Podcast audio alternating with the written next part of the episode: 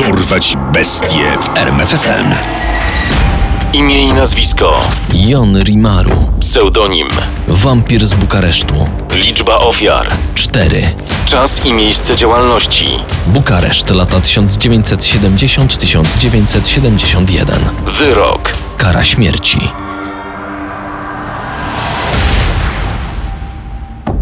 Jego sprzymierzeńcami były wiatr, deszcz i śnieżyce. Przez ponad rok terroryzował Bukareszt, przemierzając nocami ulice miasta w poszukiwaniu ofiar. Atakował młode, atrakcyjne kobiety. Tak się złożyło, przypadkowo lub nie, że wszystkie były blondynkami. Gdy w końcu został aresztowany, mieszkańcy stolicy Rumunii odetchnęli z ulgą. Ale jego życie kryło więcej mrocznych tajemnic niż przypuszczano. Niektóre z nich wyszły na jaw dopiero jakiś czas po jego śmierci. W przypadku seryjnych morderców często winą za ich zwyrodniałe czyny obarcza się rodzinę. Jeśli chodzi o Rymaru, było to w pełni uzasadnione. Możliwe, że gdyby nie jego ojciec, Jon wiódłby życie przykładnego mieszkańca Bukaresztu i dotrwał do emerytury jako ceniony weterynarz. Ale po kolei. Rymaru przyszedł na świat 12 października 1946 roku w Korabii, tuż przy granicy z Bułgarią. Jego dzieciństwo nie należało do sielankowych. Był najstarszym z trzech synów państwa Rymaru, którzy nie należeli bynajmniej do zgodnych małżeństw. No i gdzie łaziłeś? Znowu się puszczasz? Wynoś się z domu, Łajzo. Florea Rymaru regularnie bił żonę i w zasadzie nie było w ich domu dnia bez awantury. Wreszcie ojciec Jona wyprowadził się do Bukaresztu, pozostawiając wychowanie synów żonie i podjął pracę motorniczego. Jon nie był wzorowym uczniem. Powtarzał dziewiątą klasę i miał trudności z nauką. Do tego stał się bohaterem skandalu obyczajowego, ponieważ uprawiał seks z niepełnoletnią córką swojego nauczyciela. Gdy miał 18 lat, skazano go za kradzież.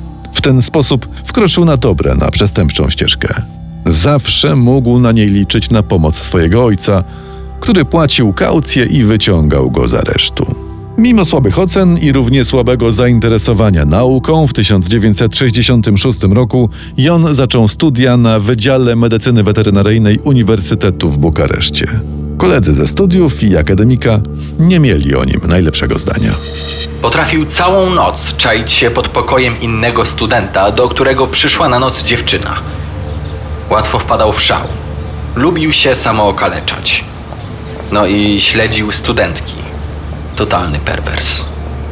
Rymaru powtarzał drugi rok studiów. Miał słabe oceny i liczne nieobecności. Nie był ulubieńcem nie tylko swoich kolegów, ale i profesorów. Sprawiał wrażenie półanalfabety. Był chorobliwie nieśmiały, a gdy już się odezwał, miał bardzo ubogie słownictwo.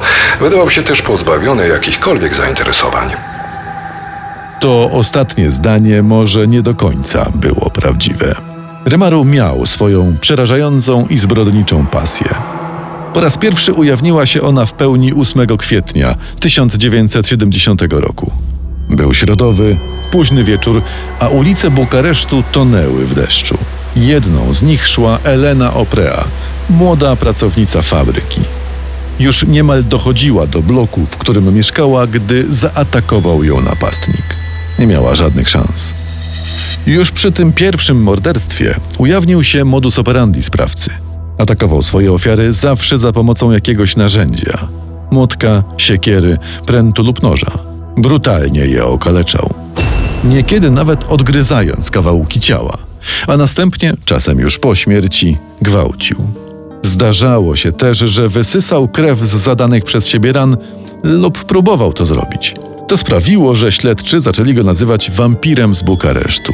Kolejna napaść miała miejsce niespełna dwa miesiące później, w nocy z 1 na 2 czerwca.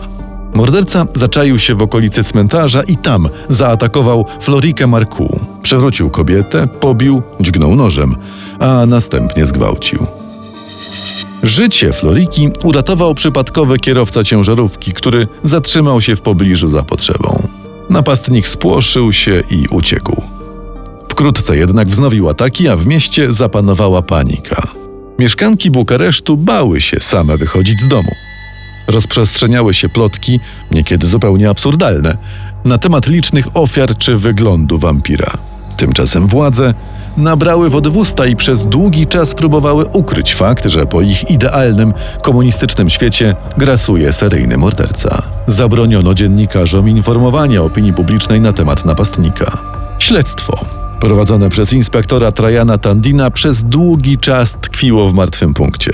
Tymczasem sprawca atakował dalej, intensyfikując swoją działalność zimą 1971 roku podczas kolejnych napadów. Sprawy nie można było dłużej lekceważyć.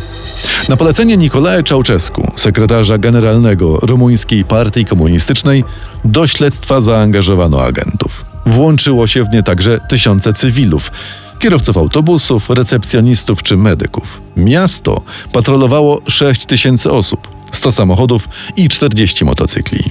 Operacja otrzymała kryptonim Orzeł. Schwytanie mordercy było zatem tylko kwestią czasu. Na razie jednak to on był górą. Matko, ludzie! Tu leży martwa kobieta!